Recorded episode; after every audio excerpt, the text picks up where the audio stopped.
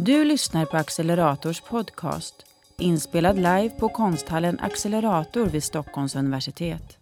Hi and welcome to this uh, artist talk with uh, artist Signe Johannesson. My name is Therese Kjellner and I work as a curator at Accelerator. Today I'm joined by my colleague Bronwyn Bailey Charteris, project leader of Accelerator's art and research program, and of course also by artist Signe Johannesen, that right now actually is sitting down in uh, Accelerator's exhibition space in front of uh, one of her new works that she will be showing in our upcoming exhibition. Uh, a big warm welcome to you, Signe. Thank you. Uh, this this artist talk is organized as part of the upcoming group exhibition, the, the experimental field, um, that Signe is taking part in. The exhibition uh, has been installed uh, a few months ago, and today, when we record this, we don't know exactly when we will open due to the pandemic situation, but uh, we are ready and we very much look forward to welcome you all uh, to Accelerator soon and this exhibition um, very soon, hopefully. this talk will be uh, 70 minutes long. And for you who follows this uh, presentation live on Facebook, there will be a few minutes in the end where you have the chance uh, um, to ask some short questions. Uh, and you do this uh, through the comment section on the live stream on Facebook. And it would be great if these uh, questions then could be in English. That helps us. Um, the, the artist talk will focus on the two work uh, two works that Signe will be showing at Accelerator, and uh, uh, it will also bring up previous works and some central interests uh, for that is central in Signe's practice. Uh, we will also touch upon a few um, upon the new collaborative collaborative dialogues and experiments that Signe is engaged in right now as part of her work for this show. Um, the exhibition, The Experimental Field, is curated by me and Accelerator's artistic director, Richard Julin. And the exhibition presents eight contemporary artists or artist group and also has a, a, a historical section with historical works. Uh, the exhibition takes its starting point from the history of the place, the site that we are at, so the Stockholm University campus, because this site used to be um, from the year 1816 and about 150 years onwards. It was called the experimental field, and it was a site for um, experiments with crops and livestock for the purpose of agricultural development in Sweden.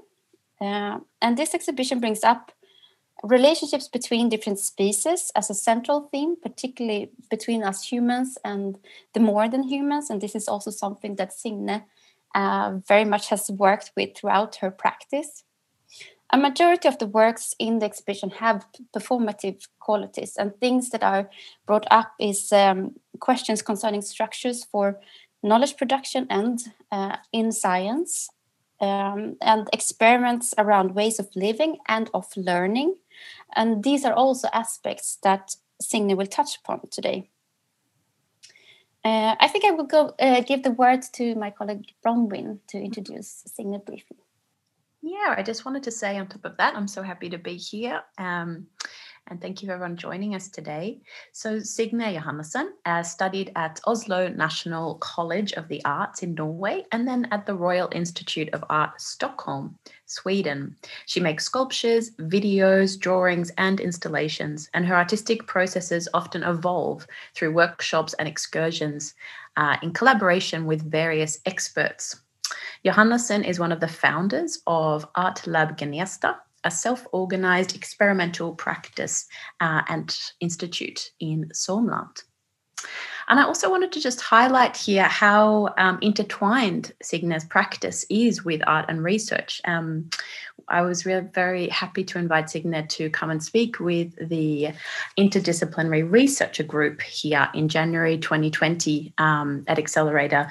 That were actually a group of um, scientists, lawyers, geologists, biologists, and other researchers who were responding to Tino Sehgal's work. Um, and they, and along with myself, were very fascinated with Signe's really unique approach to kind of interdisciplinary uh, research uh, and transdisciplinary research in an art making context. Um, and so that's how we began our collaboration. And then happily, uh, it has expanded into this exhibition as well. So I'll pass back to Therese now. Okay, so I think I'll start with the first uh, question to you, Signe, and I think it will be a long one. Because we have so much to touch upon. Uh, so we've been working together for a bit more than a year now, and it has been a very uh, eventful process with a lot of uh, unexpected but exciting turns throughout the time. And it has resulted in a completely new work for the exhibition, or um, that is called Posthumous Dialogue, that the one that you're sitting in front of and that you're also showing right now. And uh, um, when we started our collaboration, you were mostly, or you were very interested in um, the role of the cow at the site of uh, the experimental field, and also uh, the history of the human cow relationship more at large.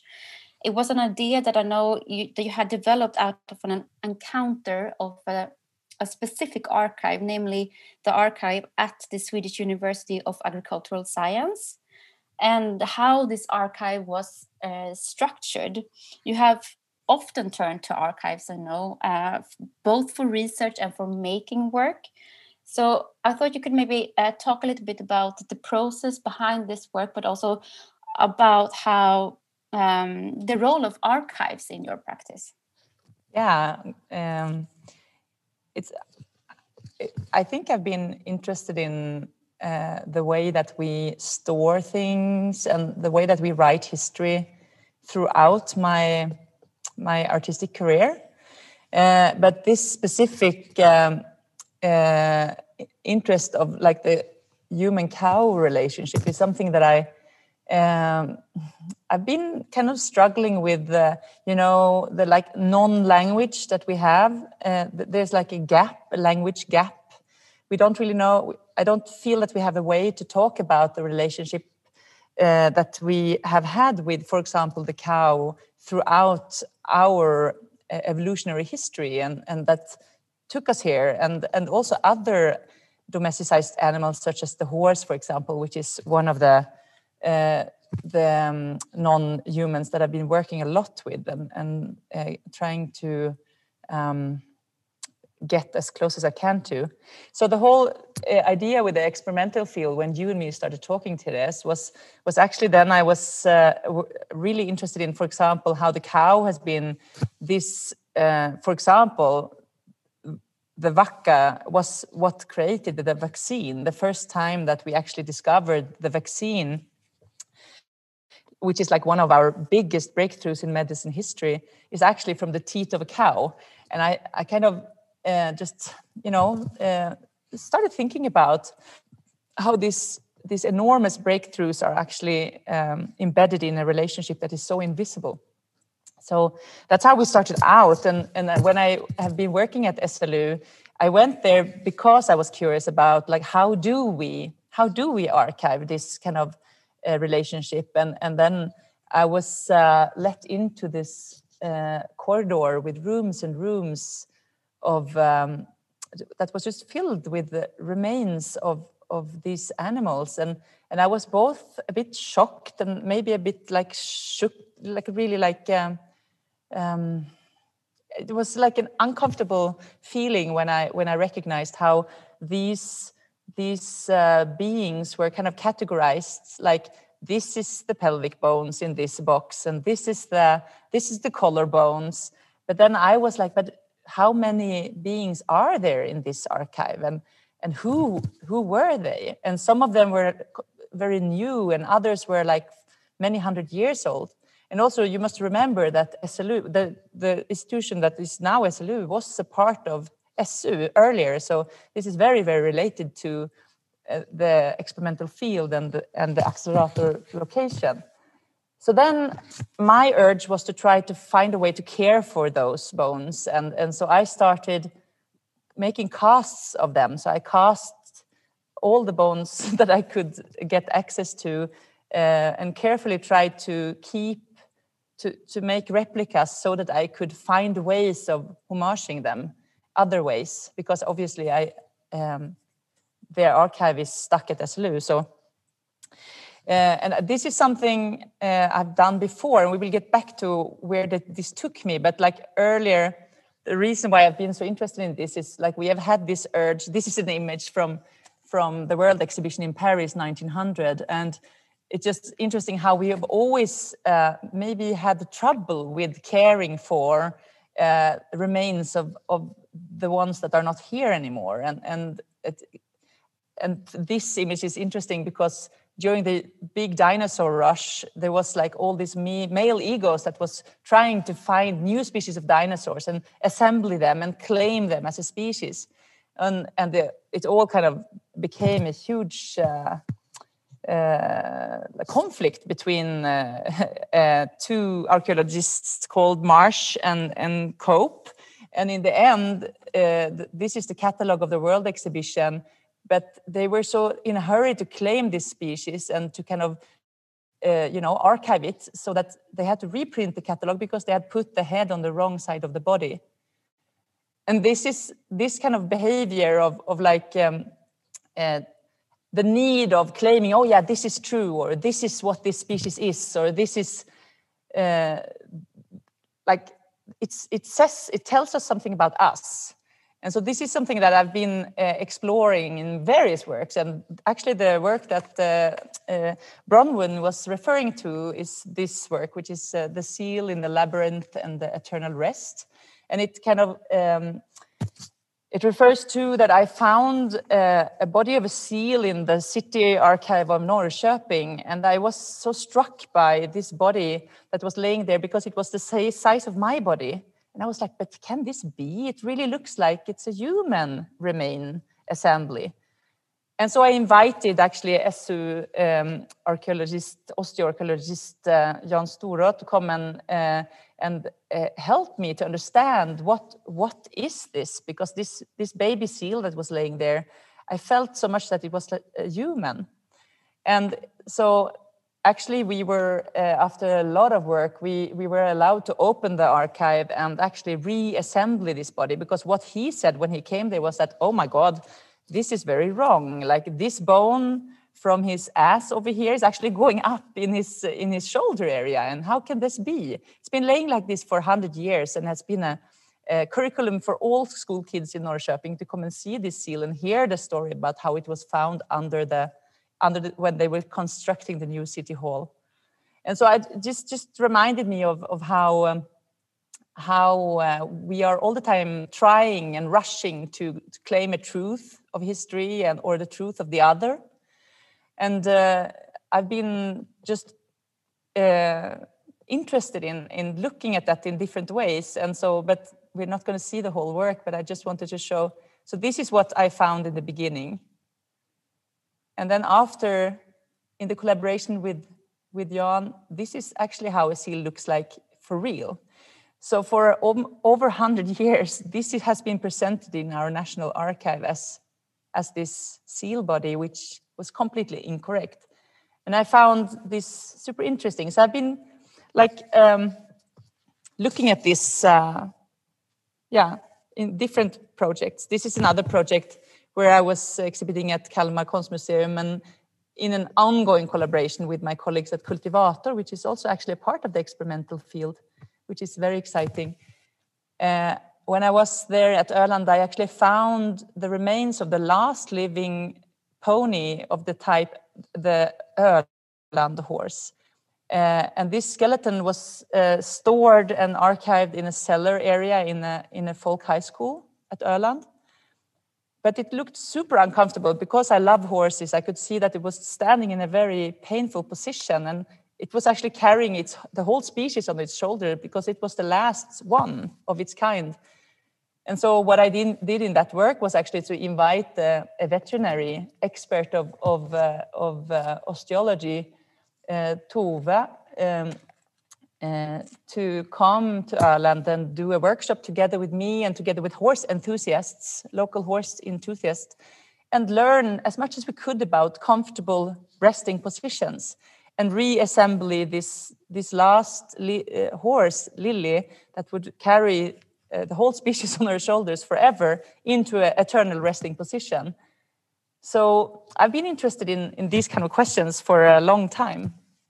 Um, yeah, I don't know if that uh, kind of. Um, yeah, it, uh, you, you answered it, um, my questions. It's it, it when you explain, it's like um, you you also explain uh, like meeting the archive and and um, somehow trying to maybe uh, correct or heal uh, all the um, um the idea of the human superiority and, and the, the, all the wrongdoings uh, mm. or many wrongdoings at, at least that uh, um, we as a species but also maybe science um, is uh, claiming yeah in good faith I, I, think. Like i think that we have done so many things and so many things we have done to each other and to others um, uh, other non-humans are like it's not it's not always because we want to do wrong. Like obviously we think that we're doing something right but mm. i find that there is an interesting knowledge uh, often for me when i'm go back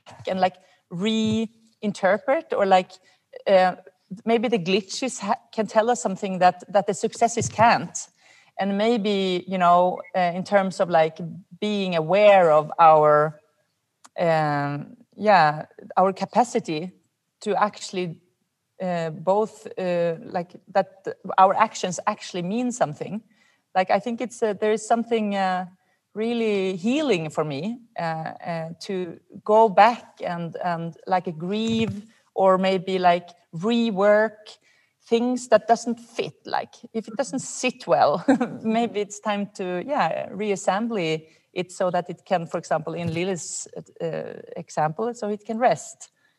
And it felt really well, good you know like we also built her a huge window so that she could like have a better view.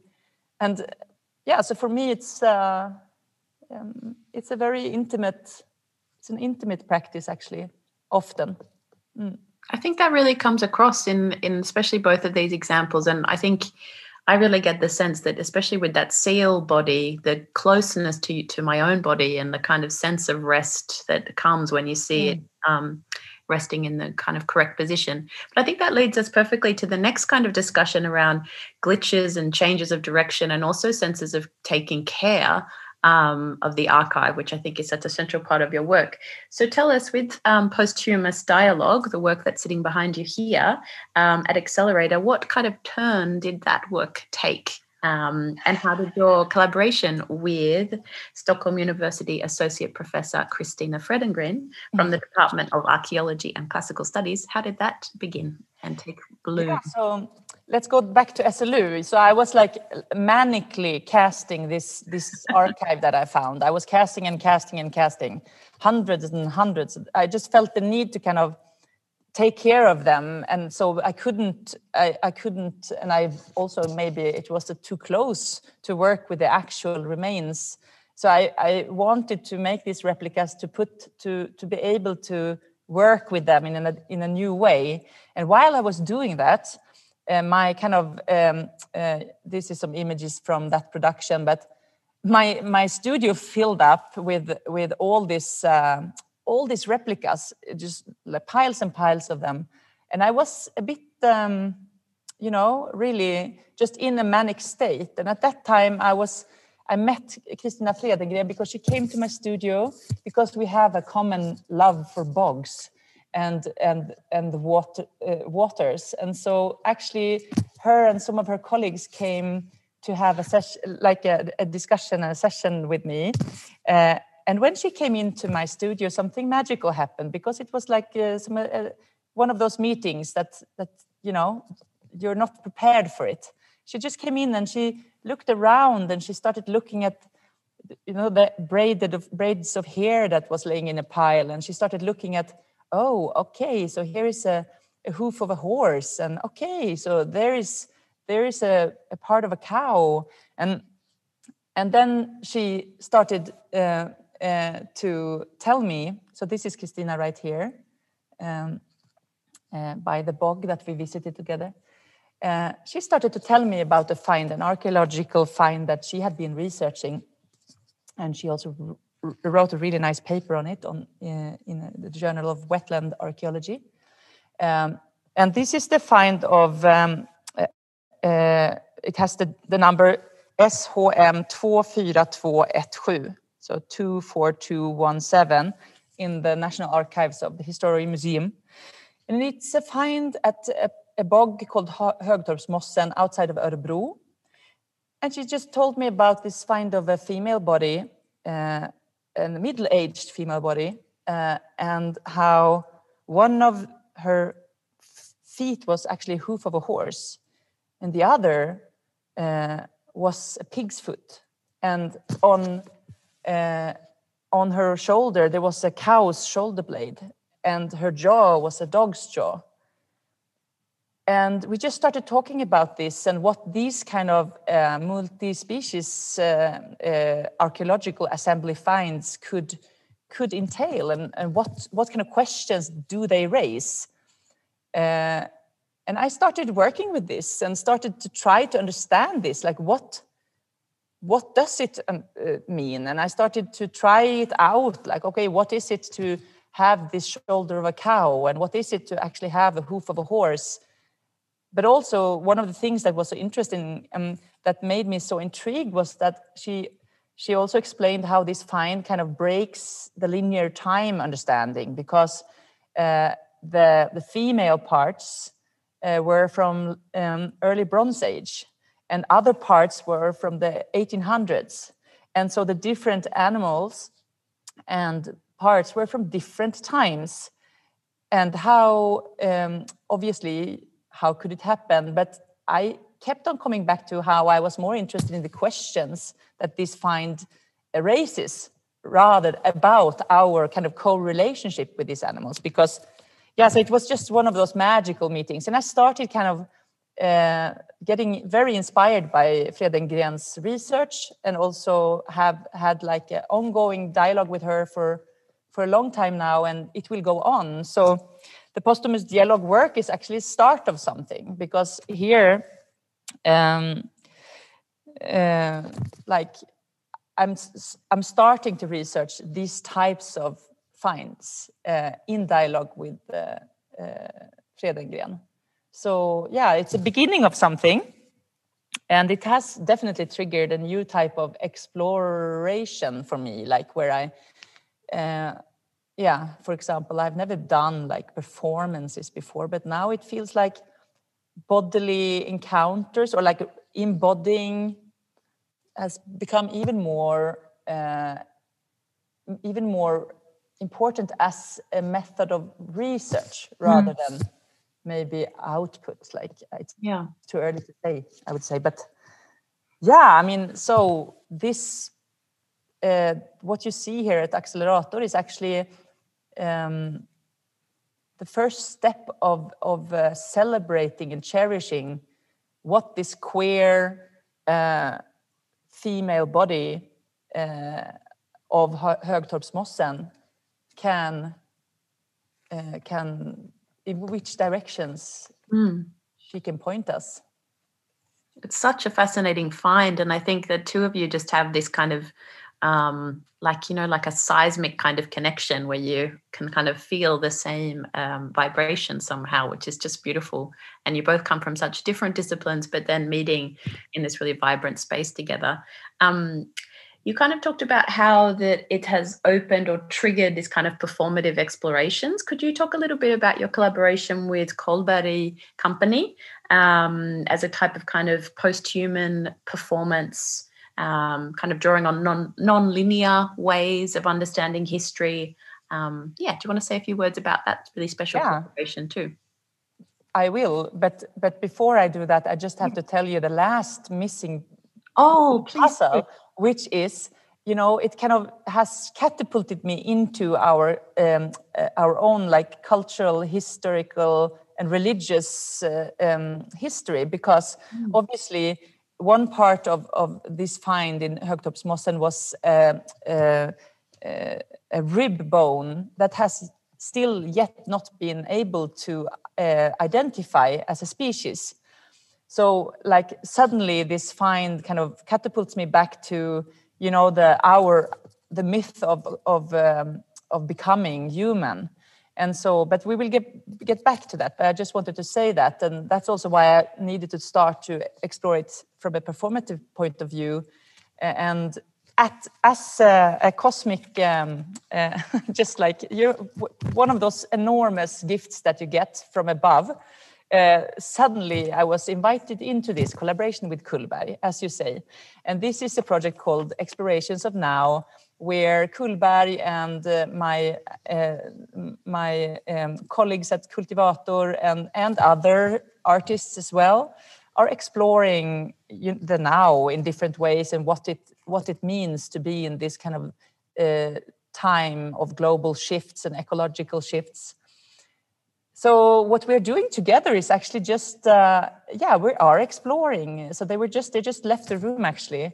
So i'm working with four uh, um, dancers who have like um, uh, very various uh, like um, uh, uh, very interesting like approaches to their own bodies and to their own like practice and so we're meeting and experimenting uh, in different uh, ways. Uh, and we don't really know where it will take us. But uh, for example, we've had a series of meetings where we have explored um, both the bogs that, that kind of carries these finds as a feminist place and as a very um, yeah, uh, knowledgeable place but also we did this uh, some experiments uh, on the roof of accelerator in the old water tank. And here uh, they some of the dancers are exploring the cracks in this water tank.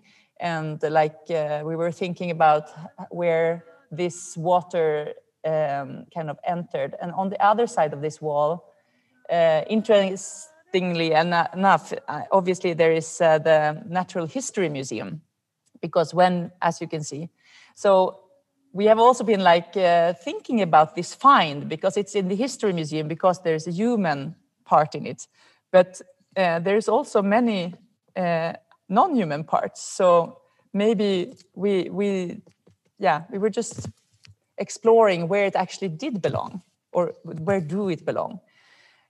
And then another thing that uh, actually also back to Christina because. Um, she uh, she's been talking to me about what it means to be an archaeologist and how she view her profession. And uh, i've been so uh, like um, i've been trying out some of her statements as as in these explorations. And one of the things that she she have said is that being an archaeologist actually means to talk for the dead or sing for the dead um, and so that's a very different and very like um, in my understanding a very different way of talking about uh, archiving archaeology. And i find that so interesting. So some of the things that we did together Cullberg and me was to actually share lullabies and uh, and try that out. What is it to have to do that to sing for the dead so what you're seeing now is completely unedited, um, just small, small um, uh, documentations of, of um, experiments that are ongoing. And we will see where this will take us. And this is something that you will, uh, you are working on right now, um, like an, a, a, longer process that you're into with uh, Cullberg, but also with the uh, Christina, and it will go on throughout the um, the exhibition period, um, uh, and maybe probably even longer.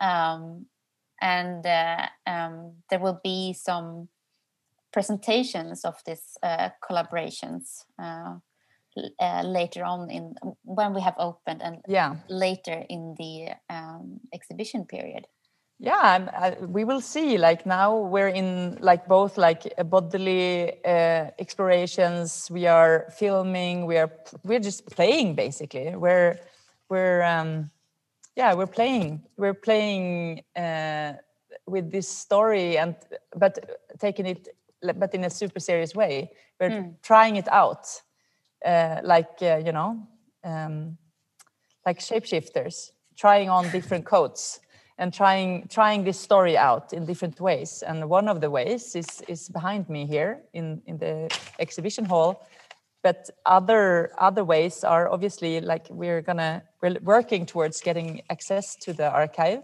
and uh, and addressing the actual find um, mm. uh, is one of the things that me and Fredengren have talked about. So we will see, like uh, later, we will respond uh, to this type of find together for the public. Uh, so yeah, it's very exciting time to be in such an open process, but it's also very vulnerable. Like you, you you're very, it's very like it feels like you have no no clothes on. like it's it's a dangerous position to to share a process that is so open still. Mm. But yeah, so it's it's an exercise for sure. What I've um, understood from you and Christina is that uh, these kind of finds um, they're not they're not common, but they uh, there it exists several of them uh, with this like multi-species body, and that that science archaeologists have a difficulty to to to answer or like to explain them and you, you just said that um, uh, you're curious about all the like all the questions or methods that it can open up and i already see so many um, at least experiments that it has opened up uh, for you. And you know uh, Therese, it's it's really true because this find is obviously in the archive. It's not on display. And i think that often this is what happens because uh, we as a species are so we are so obsessed by uh, you know the, we need an explanation for everything. So we, we are really uncomfortable living with stuff that has no uh, no correct answer so to speak. And i'll get back to that later because it comes back to my love for the archive and what it says about us. But you know um, uh, so th this is a way of just like cherishing and maybe shedding light upon these things that does not have a linear answer. And and also what does it what does it uh, uh, how does that affect us mm. because we are living in a world i think that are um, valuing linear thinking and also very like hard value and whereas maybe I am very interested in the soft tissues of the world and also the soft thinkings and other ways of grieving, caring, uh, becoming. Um, yeah, we will get back to that. But when, when you're speaking about the softness, uh, and that, that makes me think about um, materials, and I have a a question around materials for you. I um I was thinking that we could go back to um the the work uh, behind you, posthumous dialogue, and speak a little bit about um, what we actually uh, see here and uh, the choice of materials that you've done. Um, for example, you have the replicas of the bones, and uh, you've used rubber and um, uh, maybe you could talk a little bit about like what about the choice of materials and also about how um how they are fastened i see that like they are very like they're tied together they're linked together they're braided together and um your thoughts around this is this like they some of them are like fastened really uh, like hard or roughly like is that like some gesture of uh, uh, control or dominance or um, yeah your, your, your methods in uh, working mm. with hmm. these materials can you speak a little bit about that yeah so uh, basically like i think that uh, for me again like it all comes back to what kind of point of reference we all have like i um i've always had a um, uh, you know i've never been really scared of death as such so um uh, what I've done here is, but but again, like I have not used the actual bones for a reason because it, in a in a way, it has to do with. Uh, I, felt more free, kind of approaching new ways of grieving or celebrating this find uh, by replicas. But what I've done is uh, uh, actually who who is in the room, right? Like uh, we have a circle of uh, of animals. We have the horse, we have the dog, we have the cow, we have the pig, uh, and and we have the cow, and then we have the remains of the female body that has given birth. That's that's the knowledge that we do have from this find. So this is the components that are in the room. So we have the the female hair and also the horse uh, hair. So uh, and I've I was uh, trying out ways of kind of constructing this, and I ended up needing a flexible material. But also then I was thinking about this uh, game of domination uh, that has been slowly going on you know from we started domesticizing um, any anybody else than ourselves actually. So this is the reins and the ways of trying to to slowly slowly make these animals work for us rather than um, uh, something else uh, this is obviously something that we have done so i think i've, I've been uh, just uh, experimenting with that and um, and uh, but I've been also trying to use, for example, the the construction is uh, made of copper. This is something that obviously was also at the time. It's like the bronze, uh, the Bronze Age, and so like I've been guided and informed by the actual find in in what materials I've been using. But then the rubber, I guess there was just like a maybe a bicycle, old bicycle uh, rubber. Um, thing in my studio and then i you know i started and i was like yeah exactly this is what i need i need something flexible because if not it won't uh, it won't uh, it won't work and and then i am um, um, yeah i guess i was testing the tension of, of how to to kind of uh, connect these these uh, components how about the braiding uh, yeah the choice of of, of I've been braiding. I it I keep coming back to braiding because it's such a caring act, though. Like uh, as a as grow, growing up, I was always braiding either a horse or an, a friend or something like uh, something that or somebody. You know, the feeling of like um, my mother braiding me. It's such a caring action. So I think that it was just natural to start braiding. Also, like when Christina came into my studio, uh, there was like heaps of braided hair on the floor. So I, I, guess it's just a natural act for me. So and now I also started braiding the the rubber, which was very satisfying. Actually, it was uh, hard to stop. Very hard to stop. I, I know that you said that you you you come for a, from a place or um, for from a, a context where you live with life and death uh, um, all the time and like uh, leftovers from uh, the dead is something that you you you care of uh, and it's not scary right? It's like is that something you kind of translated into this then? Sorry. Um, well the thing is uh, uh, I often work from like personal, like not not like with biography because I'm an artist. So like for me, um, it's more like uh, points of of uh, departure for me. Like so, uh, I've been really interested in in the context that my family comes from, which is uh, actually from a, a place, uh, the northernmost point that you can come in Norway. You know, it's seventy two point five degrees north and there is only there is only stone and ocean and and uh, I've been going back there. We will get back to that, but I've been going back there and and you know being in in this kind of a situation where the community is very informed by different knowledge traditions simultaneously and i find that so interesting that uh, if i sit with my with my uh, you know fam some family members and have having a cup of coffee and somebody cut themselves in the finger and you can't reach uh, you know uh, the hospital which is eight hours away then there is always a, a, on the refrigerator there's the number for the blood stopper. You can always call him or her.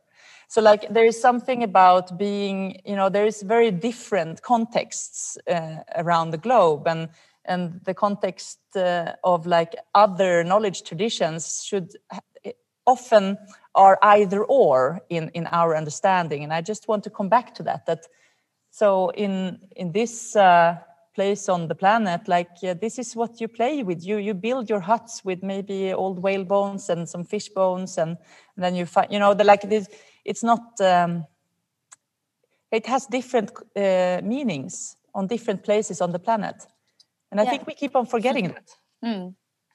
how about the the the structure or the the form I, I think i can see like the, the work borrows form from and elements from um, some ceremonial sites mm. uh, in in different cultures yeah. uh, indigenous cultures uh, i mean you have as we spoke on like all the bones there's like this kind of uh, dome structure or teepee mm. structure there's like the flags uh, cross um, it's very it looks like a very ritual place some so, of some sort what what are you your thoughts about well um, again i think that it's a point of departure for me um, uh, you know coming from a family history that that comes from a place where you know uh, both uh, uh reindeers uh, sami people are like obviously a, a, a part of, of, of that place. It is in Sapmi, obviously, but also like uh, a family that uh, that that comes from other uh, indigenous communities. Uh, like um, I, I, really think that uh, um, you know being having that in a family history kind of makes it natural to come back to and be informed by uh, by that. And I've been really interested in learning more. I know so little about that part of my history, so I've been really interested in in like going back and learning more, talking to ancestors, interviewing people. Uh, but for me, like building a hut uh, is a very natural. Like it's like uh, my my kids do that all the time to build a, a shelter or a hut, and so for me, I think that I've uh, it's a celebrational um, structure. Uh, and the flags, like to raise a flag, is a very both like a very action of resistance, but it's also an action of of celebration. So, uh, but it's also it's a half it's an open half shape so mm. it's obvious that you're invited to go in and stand there and so then you're surrounded by the creatures that that made you somehow. Uh, so, or you know, the the ones that have followed you through history. So it's also almost like um, uh, armor or or like a, a, body jewelry of sorts. Power dome. A power dome, precis. so, and, and again, I think that this is also because it's so early in this research that I'm doing on this type of finds. I think that I was also creating something that was open for that could be added to you know as almost like a stage or um, a site of, of, of, investigation. And this is also what will happen because we will activate this place throughout the exhibition. And and so this yeah i, I see this as the beginning of something.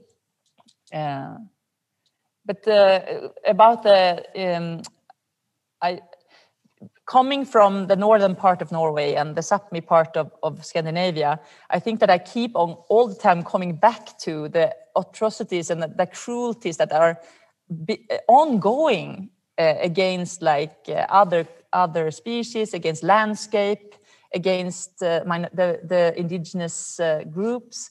So uh, I think it's important to invite different frames of reference into into our our very privileged, like a little bubble here, uh, where I'm sitting right now. So. Signe, that's so so interesting, and I agree that kind of colonial gaze and colonial ongoing um, kind of project of um, killing many different kinds of species, and as I say, landscape being part of that, I think is is um, is such an atrocious kind of situation that I think it's so wonderful you bring this sense of care and responsibility and ways of thinking about these things differently into your work. Um, I'm going to suggest, because of time, I suggest we maybe jump ahead. And while we're talking about your kind of lived and personal experiences, um, I suggest that we talk about your beautiful work, Puppy Play, um, and just kind of it would be wonderful to hear about how your lived experiences and this background you've been talking about living in the north and Sapmiland. Um, could you tell us a little bit about how this work, because that's the other work that's on show, um, experimental field. Could you tell us about that work? Uh, uh, exactly. Uh, so um, the again like i just must say that it's this is a very sensitive issue because like my my in my family there is uh, different kind of um, backgrounds that kind of come together. Yes. So i'm i'm the kind of bastard type so to speak uh, uh, which is uh, an interesting position to be in because then you have like one foot in in different mm-hmm. like where, where the in my family history there's different strains that come together so to speak but uh, yes, uh, about um, puppy play. I mean, it is. This is a video work that came about also from very informed by my own bodily experience and, and my own history of becoming a mother to a child that I hadn't given birth to. Um, it was uh, very like um, uh, obviously a very like a huge experience to from one day to another suddenly i was in a hospital bed with an infant uh, uh, and becoming mother to her it was such a um, uh, yeah it, it, taught me so much because what happened was uh, suddenly my, my my body started lactating and and you know completely completely just becoming mother so quickly. And I, it was such a shock to me how yeah how little biology has to do with anything actually. Because at the same time at home my dear dog uh, syrran had been for her whole life preparing for motherhood. She had been you know uh, treating socks as puppies and the cat is constantly her puppy and you know um, so she'd been like uh, preparing and preparing but when it was time to give birth to her puppies, they were stillborn. And so these two kind of uh, experiences just came together in in in uh, this work because I, I, felt the need to kind of explore that further, and I did that by inviting my children and and uh, our their uh, neighbor children to actually seances of of play where we were playing. Uh, uh, yeah, puppies and and and and mothers. And so my dog uh, and they wouldn't stop. They just went on and on uh, and then it became dark. And i we just kept filming and filming and and um, and it it was such a beautiful uh, um, um, yeah very beautiful seance of play actually that that is uh, and it really just shows these kind of beautiful bonds beyond um, biology, as you say in those two personal stories. Um. And hopefully, when you in the audience get to come to see this exhibition installed, you'll see that this work is kind of the work that greets you and um, kind of echoes throughout your entrance um, down into the um, underground spaces of Accelerator. So I think it's it's a beautiful kind of um, allegory for how we can think about building other families yeah because it's again it's about that right? It's about a hybrid understanding of of of reality. And i think i keep on coming back to that also in like uh, that that we maybe uh, it's time to invite more. Yeah like i i really i feel um, I feel so grateful every time uh, I, I, discover uh, like an, a question that is kind of um, breaking up this kind of uh, structured reality that that we have taught to to fit into, and uh, and so for example, this experience of becoming uh, family uh, and also being family together with my dog has informed this work a lot. Yes. So in this work, um, it's a it's a short film for about like five minutes that um, is presented at Accelerator as um, actually the first uh, work that you will encounter uh, meet as a uh, when you enter the exhibition um, you will see uh, children and the stock dog interact in different ways and or actually like yeah playing family and mm. this is uh, um, uh, like beyond like being very much like developed out from this uh, traumatic experience that you just uh, um, explained also um, coming from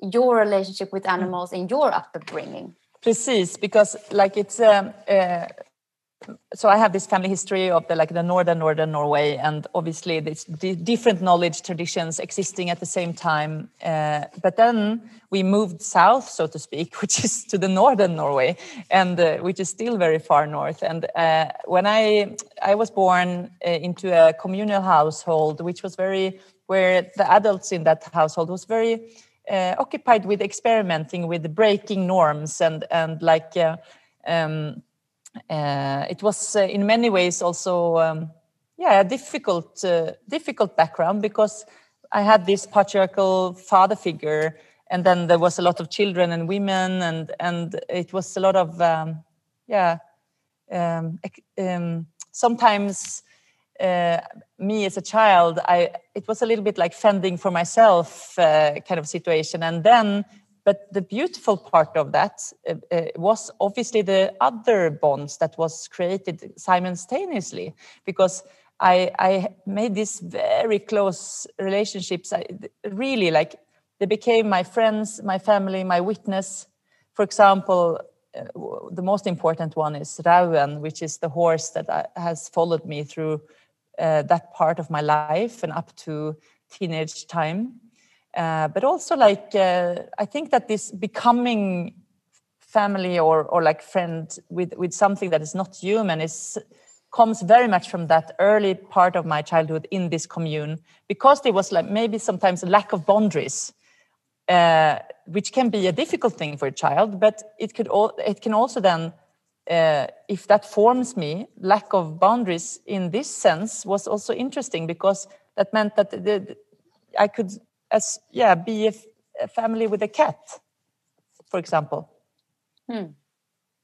and i know that you also talked a lot about um, um, um i mean coming back to archives uh, I, once when you described yes. encountering archives and, and, and kind of the uh, I don't know, like mm, grief or something you felt was also that you something you feel often is missing is the is the bodily experience that how, how that is often uh, lack lack or like not there it's really difficult to uh, like put mm. in archive maybe but uh, it's also difficult to handle and but that's something that you're often occupied with and and, and uh, working with and trying to kind of um, embrace or um, yeah um, focus on on the bodily interactions between species and and mm. how mm. what knowledge um, that grows from that right yeah that mm. is that is true and i think that again they are there but it's just that we don't really talk about them because they are the often there is like glitches or like uh, quest non-answered questions mm. in, in our archives and and that's why I it's um, it's so uh, it's such a, a, joyful journey to kind of uh, have to to let my gaze kind of rest upon them uh, because uh, like let's face it like the whole kind of archiving act is me being very interested uh, of rituals I see the whole archiving act as like the biggest ritual of them all. What I see is like we have this as a species we have this enormous need of collecting describing storing uh, and i so i feel that we have something like i feel i have something very much in common because i me too i'm interested in how can we make sense of it all? How can we make sense of being human? Like uh, and i think that archiving and, and the whole natural sciences is is just also such a such a quest. So you must remember that if like when when you do make a find uh, and you do archive it in the for example the archives of the historical museum you actually sign a contract that says that it will be archived in for eternity. So i mean this is a deeply ritual a deeply almost um, it's a, a deep a very big commitment Mm. That's all I'm saying. Yeah. And and so yeah, I I maybe I maybe I see archives as also um, yeah the act that it actually is. You know mm. the the act that is carried out by us. That's something I'm interested in. I wanted to come back to the body and um, ask you about your artistic methods uh, because I I learn and now hear you speaking, um, learning through and with your body is mm. central for you, and uh, your bodily encounters seem to um, inform your practice in a in a deep way. And I know also that uh, now you talk uh, about your collaboration with Cullberg. I know that you invited some of the dancers you are collaborating with uh, to go down into a swamp with you. I, something that you you often do a rich like a ritual you often do. I know that you you've spent mo- months in north of Norway um, wolf watching. I I know that you learned to free dive uh, in in order to hmm. engage mm. with your subject and and um, put your body out there to learn uh, and to be out of your own environment. And uh, could you talk a little bit about yeah. how how um, do, how do these embodied encounters fuel your practice? I think it's more again like a method of ownership for me. Like it's a way of um, so as an example, I can tell when I went back to Mehamn, which is the which is the village that my family uh, my family history is from uh, one of the an example of what I did was that uh, I heard I interviewed my family and and I heard this story about my great aunt who was a midwife and how she had been collecting uh, uh, whatever she could find of the bodies of the ocean and and kind of caring for them. And I felt so extremely uh, yeah related which obviously I am uh, to her her and also her her acts. And i heard this story about when she didn't really have place anymore to store more she actually stored them in her garden and, and kind of uh, hid them away in the garden.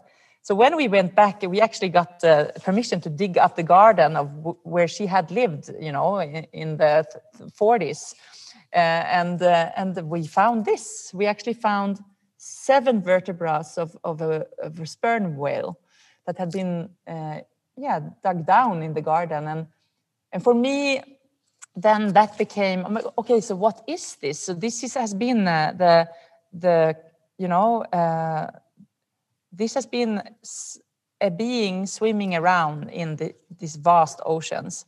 So for me the natural next step is obviously to make to to to understand that. So then i started to try to learn how to free dive. It's super hard. And i started to talk to free divers and I interview uh, free divers and also but uh, had to transform this this vertebra into a, a sort of um, a sort of uh, freediving tool. Because for me it became uh, uh, fruitful to see if I could uh, you know make it live again or like give it a new chance of of of a function so to speak and so actually, this is a still from a video called Hic sunt Dracones uh, that, uh, that came out of this uh, research that I did in a project that was uh, that produced many works.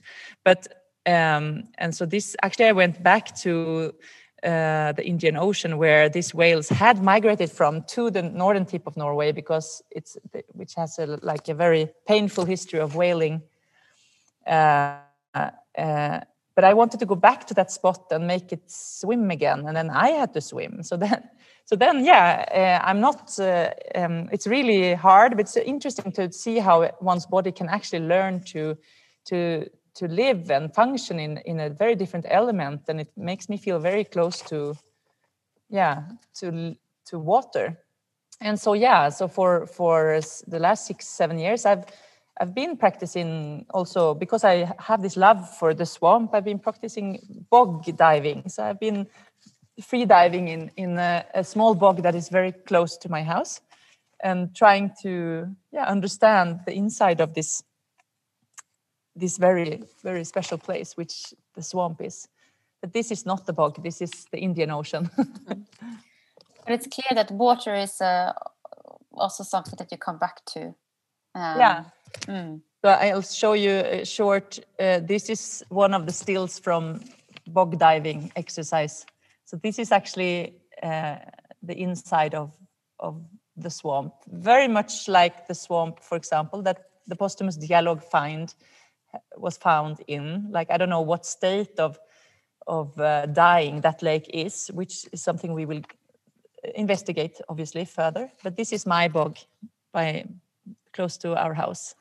I see a similar circular uh, movement or gesture as you um, you spoke about with the whale. You're you're kind of uh, taking the bones back to where it came from. I mean, yeah. or you know, the Indian Ocean, and um, it's like a, a, the circle it has like swarm up like uh, up to norway and you're sort of take i mean you're taking the replica back but you're swimming with it again and it's similar with the posthumous dialogue you're uh, returning to water mm. um, with the uh, the dancers um, and exploring um, uh, like watery mm. environments uh, um, mm. since this find was found in in water in in a bowl actually this uh, just this is also such a, a work because this is uh, still from a work called thank you for caring that i also did at öland uh, at my friends and colleagues house at cultivator which is also about the bog because the thing is that there was a, a find in a, in a small uh, water body near there where they had found horse bone and human bone together and i found that so interesting. So what I did was actually to go back to the story about my friend the horse Rauen when I grew up and grieving his passing uh, together with the horses there. So this film also ends by uh, actually us letting go of of the remains of a horse into uh, this water body. So mm. it's like also reacting some kind of um, yeah goodbye I think the other really interesting thing with the swamp or the bog water is that the purpose or one of the functions of a swampy area is kind of archiving and filtration. So the actual swamp itself is like a place of archive for all of the many, many creatures that kind of drift down and exist inside it. And um, you wrote a really beautiful letter to that swamp that you're working with um, that was published in OEI's um, wetlands issue, which I was really drawn to, which Christina also writes in as well. Um, but yeah, just to point out that like the the swamp is also really an archive. Um, I'm so, so, happy you're bringing that up because obviously yeah. that's exactly what it is. It is, yeah. uh, but it's a, like a non-linear archive. It's a archive where like death and and new life exists at the same time simultaneously. So it's like um, uh, it really has that capacity of, of kind of raising questions about like what is what is time? What is eternity? What is what is um, yeah uh, how can we understand time? And, and like the sediments of, of a swamp is obviously but this you know like both it's a commodity that is like we have drained like 98% of all our swamps and and then we're super surprised that there is floods going on and droughts. Uh, but but also like um, uh, it's also like the own the last the last pieces of actual um, uh, non-economical sites. Like so it's interesting how the swamps can't be it can't be tamed because it like if you can't drain it. So there is a few of them left and and and yeah Mm. I feel they have a lot to to add to the discussion. actually, yeah, they really, really do. Absolutely, yeah. they're very rich. Mm. How are we going for time? We have about uh, 10 minutes uh, left, and I'm just uh, checking there's no uh, questions so far. Oh, good. That means I get to ask my question. That's excellent for me. Um, I wanted to talk a bit about um, just kind of, I mean, this has been so beautiful, Signe, but just kind of how exemplary your work is for me in, um, you know, trying to think about art and research and kind of, you know, when you're talking about this idea of the soft tissue, I think like part of um, our mission and kind of quest here at Accelerator is to really think through how can art and research or how how does this how do these meetings between art and research already exist? And in your work i just find this kind of like beautiful energy and um, uncertainty that you were talking about. Um, and i just find them very intoxicating to kind of help me think about the possibilities of how um, you know how we can learn from art and how art can can teach us in different ways without being you know just preachy or just one one note but by having a whole lot of different notes at the same time and kind of working in different harmonies.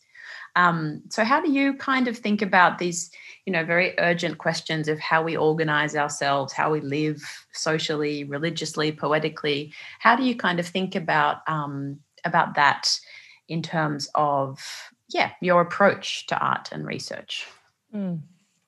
oh that's a that's a very difficult question i know sorry um, i think i then we have to break it up a bit because like when it uh, when it comes to first of all like art and research i think that we have to keep in mind that uh, like um, we are just we are just uh, all trying to make sense of like mm-hmm. which we are we're looking for a way to to understand uh, like uh, uh, what it means to be the kind of, of species that we are. Like um, but and we're doing that in different ways. Like um, i'm doing it in the way i'm doing it. But for example when i meet somebody like um, uh, yeah christina for example we actually we have that in common. Like it's not it's not like art or research. It's like we have that in common. We are on a common quest of of like trying to like so, so it's like a it's a um, common domain how do you say that? Uh, um, domain or? yeah like it's we, it's like it's easy um, to you know go into this exploration together because we actually both really want to know. Yeah. So as long as we can have an open mind instead of like locking all the doors and thinking like okay i'm gonna like this is the right way and you are doing it the wrong way and you are you are not allowed to talk about that and is that true or is it false? Like do you have the right identity to talk about that? I think it's really really important that we um, find ways of being more inclusive uh, in the field at large because we need more than ever to to find uh, new ways of uh, understanding cohabitation and coexistence because the ways that we have had uh, access to has led us here. Mm. yeah.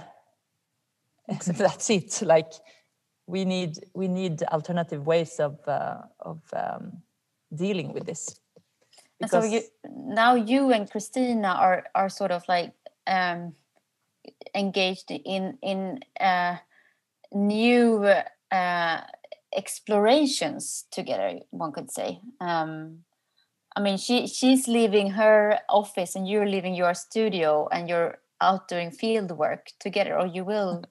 Yeah, that's mm. um, that's actually all we want to do, but it's Corona has kind of gotten in the way. But um, uh, yeah, I, I, think that, um, and also like uh, there is many researchers that I've been in contact with throughout my my different processes, and also throughout Accelerator's uh, um, brilliant work with the kind of uh, you know creating meetings uh, bet between me and and uh, other researchers. It's like it's just uh, I am like seriously curious, not only of the like the the facts that they find on their way, but about both like uh, what they do with the remnants that they see as non-fit or like not important. I, I'm, I'm seriously curious uh, also about the behavior that like squirrels you know we're just uh, uh, working about and trying to to understand it and then boom it's over then life mm. is over and then what is left is yeah this the the archives of mm. of uh, of the knowledge that we're trying at the best of our ability to to create and people for example like christina obviously she she comes with a different gaze upon like it's the opposite of like uh, you know marsh and Cope. I talked about that earlier in this presentation who they were rushing to claim this species and to say yeah i made this. I i i named this being. Like but then suddenly comes a, uh, you know a new time where a new type of gaze is really needed. And i think that's exciting to to discover that. Mm. um, yeah.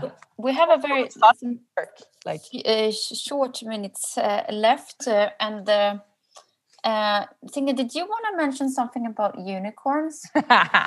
yes, please, because uh, I just wanted to, you know, to share that with, with you all that like uh, this posthumous dialogue uh, kind of process and the find at Högtorpsmossen kind of um, has catapulted me into this new, uh, beautiful, uh, and very exciting um, area, which is like the relationship between the, you know, the the myth of the creation of the human uh, and uh, like how we tend to um, uh, have the need to to write away you know the the hybrids so to speak and so i've been looking at for example uh, yeah the the the myth of the the creation of the human which is obviously um, our in our culture it's uh, the christian myth of of jesus uh, you know uh, uh, in the belly of of virgin mary but when i in my research i've now found that uh, in the early scripts of the bible actually mary had a lover and that was a unicorn. Uh, and then came the Middle Ages, and and the, the unicorn was kind of you know uh, erased away from history. But since then, like the unicorn horn has been like for a long time been the most expensive uh, material uh, there is in Europe and traded between the countries. And then obviously now we know that the unicorn horn is actually narwhal tusks and uh, uh, the Danes uh, through super cruel and super colonial and problematic uh, trades with the with the Inuits, uh, yeah, stole them from them. And so, yeah, so I'm now looking at like archives of unicorn horn that there's hundreds of them in, in Denmark, for example, and uh, looking into again these hard tissues and the remains that that we are have erased away. But what is actually there? Like why why can't why can't Mary have a lover that is a unicorn instead of you know uh, being a virgin that gives birth to? Such a good question. I've never thought of that question before, but it feels like one I've I've needed to ask. Well, thank you, Signe. Thanks for sharing the uh, also the um, something that you're uh, just started to uh, work upon and research, and um, I think that um, is a uh, that that last thing you shared is a, a good end note and um, yeah so thank you so much Signe and thank you everyone that has uh, been following us and listened to this presentation mm. and uh, hopefully um, we can all uh, welcome you soon to Accelerator and the experimental field and to Signe's two works that she's presenting. Mm. Please, please do come and especially mark in your diaries Wednesday, the 5th of May, which is going to be a really beautiful presentation with the four dancers from Cullberg Company and also um, Associate Professor Christina Fredengren, who we've talked about so much tonight, and the wonderful Signe Johannessen. So thank you, everybody. Bye. Thanks, Signe. Bye, everyone. Du har lyssnat på en podcast från Accelerator inspelad live på konsthallen Accelerator vid Stockholms universitet. För att ta del av vårt program, prenumerera på vår podcast och besök Accelerators hemsida acceleratorsu.art där du även kan prenumerera på vårt nyhetsbrev.